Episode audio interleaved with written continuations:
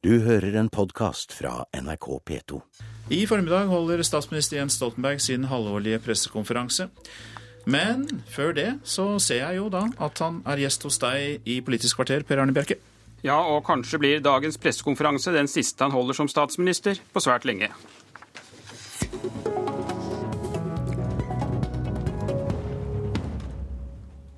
Velkommen, statsminister Jens Stoltenberg, for anledningen med mørke solbriller etter en operasjon. Alle meningsmålinger viser et stort ikke-sosialistisk forsprang, og velgerne vil heller ha Erna Solberg enn deg som statsminister. Hvordan skal du klare å snu dette i løpet av den korte tiden som er igjen til valget? Det viktigste svaret er politikk, og snakke om politiske saker. Om det vi står for, det vi ønsker å gjøre.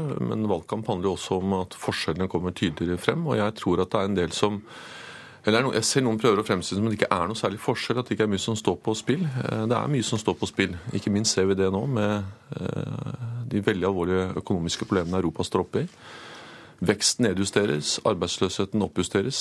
Krisen er på ingen måte over. og da er det det siste vi trenger i Norge, er usikkerhet om den økonomiske politikken. Vi trenger en regjering som fortsatt kan ta ansvar for forutsigbarhet og trygghet ja. i rammevilkårene for norske bedrifter. Vi skal komme litt tilbake til økonomien etter hvert, men i går kom altså rapporten fra Politianalyseutvalget, der politiet kritiseres for dårlig organisering og manglende ressursutnyttelse. Og Gjørv-kommisjonen satte søkelys på noen av de samme problemstillingene i fjor høst, som vi husker. Kan sviktende oppslutning om det rød-grønne rett og slett skyldes at velgerne har oppdaget at en del offentlige etater ikke fungerer så godt som vi kunne ønske? Det er vårt ansvar å, som, å sørge for at vi har en veldrevet uh, offentlig sektor. Og uh, internasjonalt uh, så har Norge en god offentlig sektor. Vi får gode resultater. Men denne rapporten men, viser noe helt annet? Men vi har også åpenbart områder der det er behov for fornyelse, reformer. Og det er jo grunnen til at vi har bedt om denne rapporten, denne veldig grundige studien, nettopp for at den skal gi grunnlag for endring. Jeg tror vi står overfor noe lignende i politiet som vi har stått overfor i Forsvaret, eller stod overfor i Forsvaret for noen år siden. I Forsvaret har vi gjennomført store omstillinger over eh, flere år. Eh, nedbemannet, eh, omorganisert, nedlagt mange baser. Og, er, og, Det var omstridt, men nå tror jeg alle er enige om at vi har et veldig veldrevet forsvar. Et uh, forsvar som er mye bedre enn vi hadde for noen år siden. og det er nok en lignende omstilling må gjennom ja. i eh, politiet. og Derfor har vi startet arbeidet med å få den rapporten. Men Dere har altså sittet med makten i åtte år i strekk. Hvorfor har dere ikke gjort noe med politiet på et tidligere tidspunkt? Jeg tror vi alle skal erkjenne at de fundamentale svakhetene i politiet som nå er avdekket, var vel knapt noen klar over uh, før uh, vi begynte å få det illustrert uh, i forbindelse med 22.07.2011. Det er jo gjort viktige ting med politiet som gjør at vi har et bedre politi enn vi ellers ville hatt. Betydelige bevilgningsøkninger, mange nye ansatte. Og uten det hadde vi hatt enda større problemer i politiet enn det vi har. Men det er avslørt noen fundamentale feil måten vi organiserer politiet på. Eh, og Det gjør at vi skal fortsette å reformere og fornye offentlig sektor. og Politiet er en eh, område der det åpenbart må skje. Men er det ikke ganske alvorlig statsminister, at det måtte komme 22.07. før dere som sitter med ansvaret, oppdaget at det ikke fungerte som det skulle gjøre? Jo, det er veldig alvorlig. Men her tror jeg vi må erkjenne at dette har pågått over uh, mange år.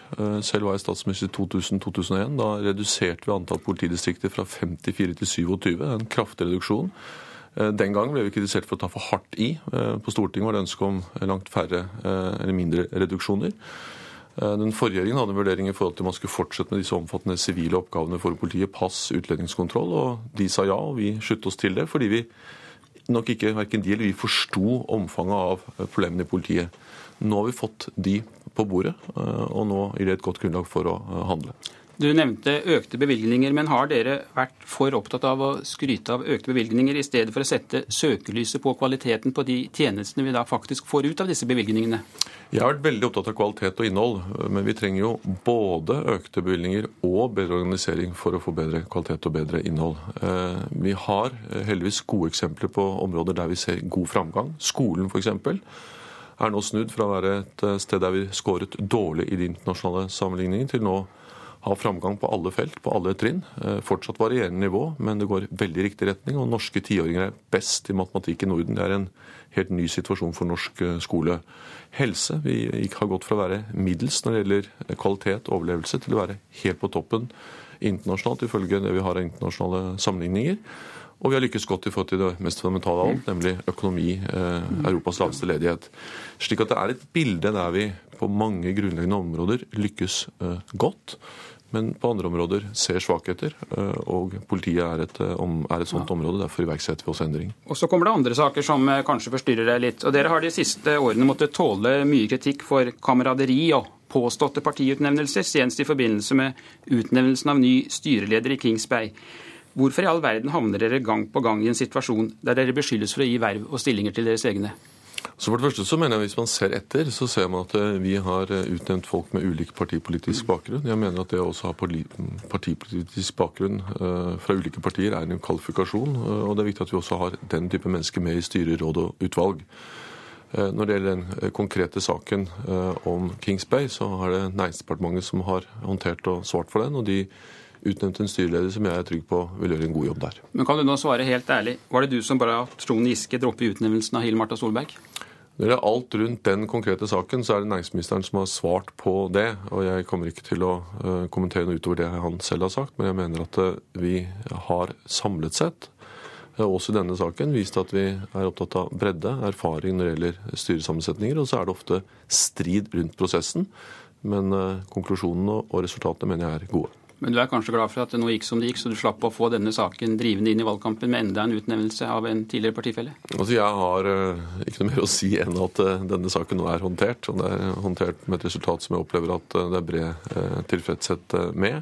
Og det alminnelige bildet er at det er en bred sammensetning i styre, råd og utvalg, og det bør det være. Og selvfølgelig også folk med politisk bakgrunn fra ulike partier, eh, og det mener jeg eh, bidrar til å sikre bredde. Så over til det du var inne på selv innledningsvis her. Flere rapporter de siste dagene viser at det ikke går så bra med norsk økonomi som vi kanskje har trodd. Antallet konkurser øker, ledigheten stiger, og veksten i produksjonen avtar. Hvilke mottiltak vurderer dere å sette inn? Det Førstelinjeforsvaret vårt er pengepolitikken. og Det er jo et resultat av at vi har lagt om hele den økonomiske politikken, nemlig at vi bruker rentene mye mer aktivt til å både bremse og stimulere. Eh, og eh, Det er førstelinjeforsvaret i vår økonomiske politikk, og bruker det eh, mye mer aktivt nå enn vi gjorde før vi la om i 2001, da vi da innførte handlingsreglene og en ny retningslinje for den økonomiske politikken. Så har vi budsjettpolitikken, og så har vi alt det som handler om tiltak overfor bestemte næringer. Det dette nå illustrerer, er jo at eh, Norge også berøres av finanskrisen. Eh, det har vi eh, understreket fra regjeringens side lenge. Det oppsiktsvekkende er egentlig hvor lite vi er berørt. At vi har kommet gjennom med så lav ledighet, så høy sysselsetting. 340 000 nye jobber, nesten 75% av dem, tre av fire av dem i private sektor. Det er veldig gode økonomiske resultater, men de er hele tiden truet utfordret av at vi ser at det økonomiske tilbakeslaget i Europa biter seg fast, at ledigheten fortsetter å øke, og at det nå også i større grad slår inn i våre nordiske naboland, eh, og det kommer tettere på oss. Ja, Du viser at det er forhold utenfor landets grenser, men hvor mye ansvar har du og regjeringen for de mørke skyene som truer når kostnadsnivået i Norge øker, mens andre land har satt seg på slankekur? Vel, Vi har ansvaret for norsk økonomi, eh, men det at vi har det største økonomiske tilbakeslaget i Europa eh, siden krigen, eller siden 1930-tallet, eh, det kan jo vanskelig regjeringen ta ansvar for. Det vi har lykkes med Men det som skjer innenlands, kan du ta ansvar for? Ja, og det som skjer innenlands er at vi har håndtert den finanskrisen, det økonomiske tilbakeslaget, på en måte som gjør at vi nå har Europas laveste ledighet. Det hadde vi ikke i 2005, det har vi nå at vi har hatt en enestående sterk vekst i privat sektor, at det fortsatt går bra i Norge, selv om det er noen varsellamper som blinker, som er veldig nært knyttet til eh, det internasjonale tilbakeslaget. Og Da trenger vi fortsatt stø kurs i den økonomiske politikken. Eh, holde orden på pengebruken, kanskje det viktigste tiltaket for å passe på rente på kronekurs, det som er avgjørende for de konkurranseutsatte bedriftene.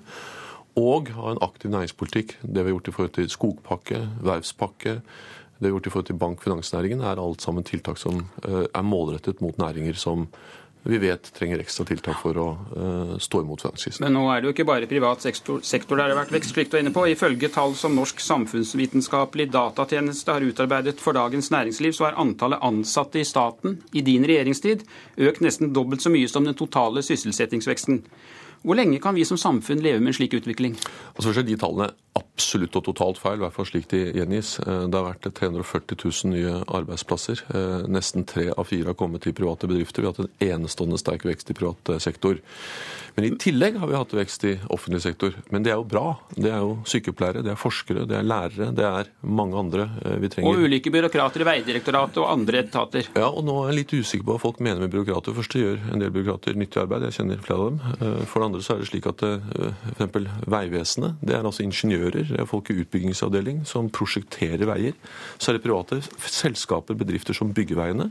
Men vi har ansatt mange nye i Vegvesenet fordi at vi bygger mange flere veier. Og da trenger vi de som tegner dem, prosjekterer dem, for å få de prosjektene i gang. Og det at det f.eks. er ansatt mennesker på akuttmottaket, eller at det er ansatt mennesker i Nav for å håndtere eh, pensjonssøknaden din, det mener jeg er eh, bra, det er viktig, det er med på å bygge ut velferden vår. Så kan vi hele tiden gjøre offentlig sektor mer effektiv. Det er det vi bl.a. har gjort gjennom omstilling i sykehusvesenet, i Forsvaret, gjennom en omfattende digitalisering.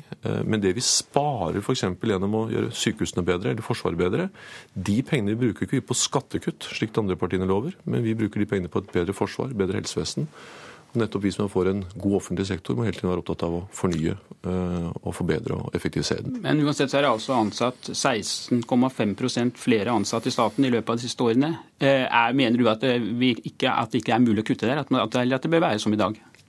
Jeg mener at det er helt mulig å omorganisere. At vi kan gjøre ting i alle offentlige virksomheter for å sørge for at det blir bedre. Men det vi sparer gjennom å gjøre ting bedre i skole, helse, andre områder, det vil ikke jeg bruke på å finansiere skattekutt, men jeg vil bruke det på å gjøre tjenestene enda bedre, slik vi bl.a. har fått til i Forsvaret og helsevesenet, hvor vi har altså fått vesentlig bedre resultater de siste årene. Så den store politiske forskjellen er ikke om man ønsker en veldrevet offentlig sektor, det er jeg en sterk pådriver for. Men spørsmålet er ønsker vi å bruke de gevinstene vi får gjennom avbyråkratisering, på å finansiere skattekutt, mest til de som har mye fra før, eller finansiere enda bedre offentlige tjenester. Og jeg er en sterk tilhenger av det siste. Jens Stoltenberg, Hvilke konsekvenser kommer du til å trekke dersom Arbeiderpartiet taper valget og kanskje heller ikke lenger er landets største parti? Nå har jeg én plan, og det er å vinne det valget. Ja, Men hvis dere taper? Ja, men Jeg er helt sikker på at sjansen for å vinne det valget øker veldig hvis jeg konsentrerer meg om å vinne, og ikke å spekulere i det å tape. Så jeg kommer til å jobbe med det helt fram til valgdagen, og det er velgerne som bestemmer. Takk skal du ha, statsminister Jens Stoltenberg, forsker og NRKs valgekspert Bernt Årdal. Du laget noen nye beregninger for oss i går kveld. Hvor store endringer må til før de rød-grønne begynner å nærme seg de ikke-sosialistiske partiene? Så Hvis vi ser på forskjellen mellom de to blokkene nå, så ligger den rundt 20 prosentpoeng. Og det har den faktisk gjort ganske lenge. Og Det er en ganske stor forskjell, fordi det betyr at de tre regjeringspartiene samlet må øke en rundt en 10 prosentpoeng. Arbeiderpartiet må tilbake på 36,9-nivået fra 1993. Og i tillegg så, så, må altså Eller fra 19... Unnskyld. Eh, 1997, unnskyld. Ja. Eh, og I tillegg så må både SV og Senterpartiet øke med et par prosentpoeng hver. Så, så, det er en bratt bakke. Ja, Hvis vi da ser på disse to partiene som er med Stoltenberg i regjeringen, så har jo særlig Senterpartiet hatt problemer på de siste målingene. Tradisjonelt så vet vi at Senterpartiet har mange kjernevelgere rundt i Distrikts-Norge. Tror du disse vender tilbake før valget, eller er det i ferd med å skje varige endringer der også? Det er jo ikke så lett å, å, vite. Vi har sett at lojaliteten til Senterpartiets velgere har, er blitt svekket. Men samtidig så har de hatt et par gode kort på hånden denne, denne våren, bl.a. med samferdselspolitikken hvor de har satset. Landbruksoppgjøret gikk bedre osv. Så, videre. så det er nok, det, det, som er spesielt med Senterpartiet, er jo at de har velgere som har en forankring i et organisasjonssamfunn, i primærnæringen osv. Slik at de har nok noe mer å gå på der enn, en f.eks. et parti som SV, som har en svakere organisasjonsmessig forankring forankring i samfunnet ellers. Du har analysert norske valg gjennom mange tiår. Hvor vanlig er det at en av blokkene har et så stort forsprang bare to og en halv måned før valget?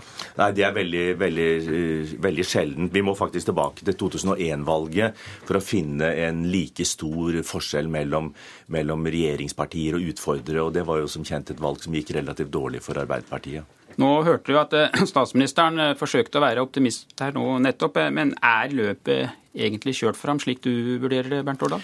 Altså, Dette kan jo fort bli selvoppfyllende profetier, og jeg tror statsministeren har et godt poeng. At hvis man fra regjeringspartienes side sier at er, løpet er kjørt, så, så, er det kjørt. Eh, fordi at det som vil bli deres viktigste oppgave nå, er jo å få sympatisører, medlemmer og velgere til å tro på at det nytter. For hvis ikke, så kan det være at, at det egentlig har, har tapt før, før valgdagen. Takk skal du ha, eh, NRKs valgekspert Bernt Årdal. Og da er det to og en halv måned igjen til valget, og i morgen så har Stortinget den siste dagen før stortingsvalget. Dette var Politisk kvarter med Per Arne Bjerke. Du har hørt en podkast fra NRK P2.